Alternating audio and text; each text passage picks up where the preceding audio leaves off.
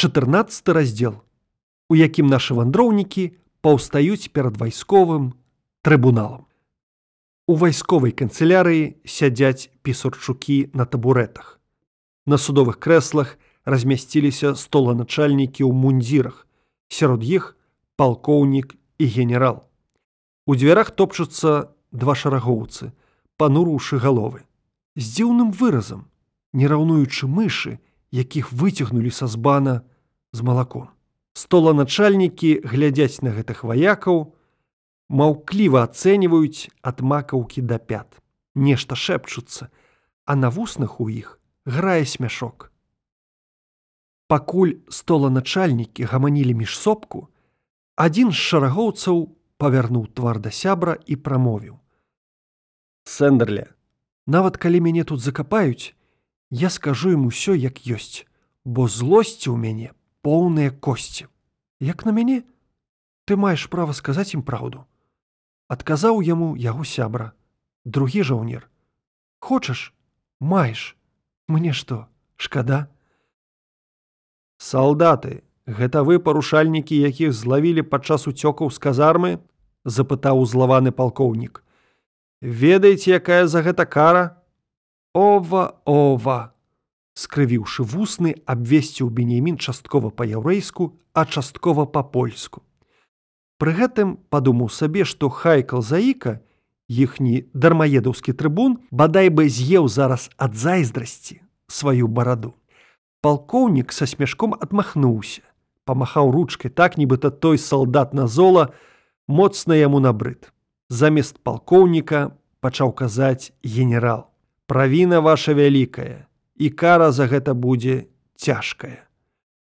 Ваша благароддзе, падняў беньямін голас. Хапун ладзіць на людзей і прадаваць іх сярод белага дня можна. А вось калі яны намагаюцца выратавацца, дык прыпісваюць гэта да правіны. І калі гэта так, дык няма больш закону і парадку, і я больш не разумею, што можна, а што забаронена. Тут жа вы людзі сядзяць, давайте спытаемся ў іх. Хай скажуць, хто вінаваты.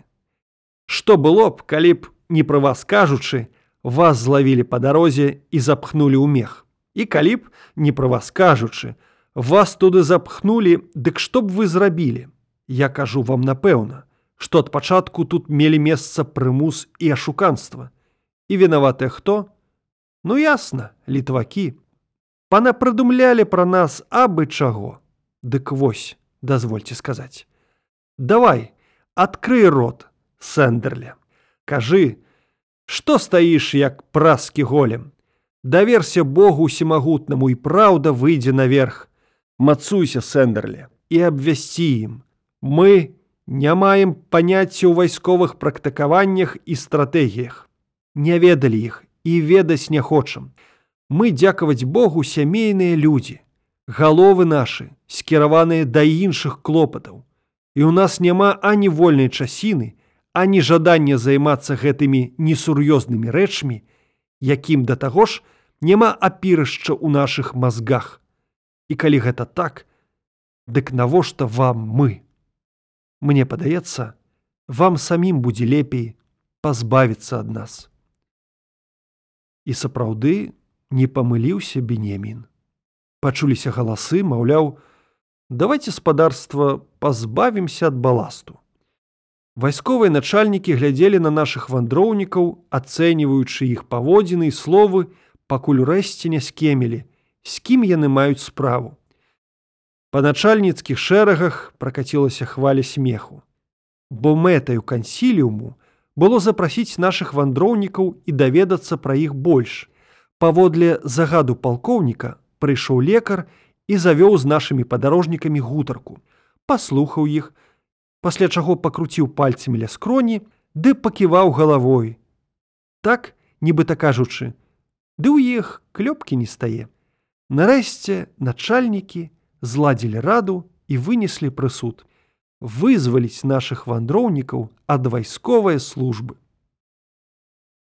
Беньямін і Сэндерл выйшлі адтуль шчаслівыя і цалкам рэабілітаваныя. Ідзіце з Богам, сказалі ім, дадому да хаты. Беньямін развітаўся з імі глыбокім паклонам. Сэндрл жа наструніўся, па-вайсковаму шчоўкнуў абцасам і, чаканіч крок, вырушыў следам. Пра хапун і хапёраў.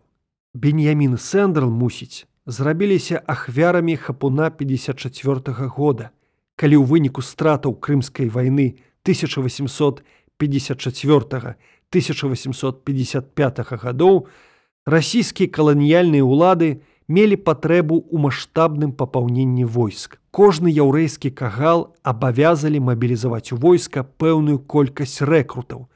Прычым салдацкая квота па яўрэях была ўдвая большая за квоты па іншых нацыянальнасцях.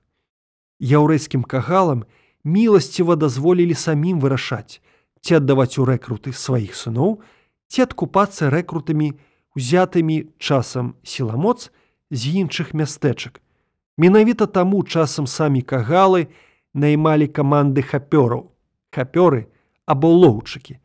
Без залішніх фармальнасцяў для войска хапалі мужчын паўсюль, на вулках, дарогах, у сінагогах.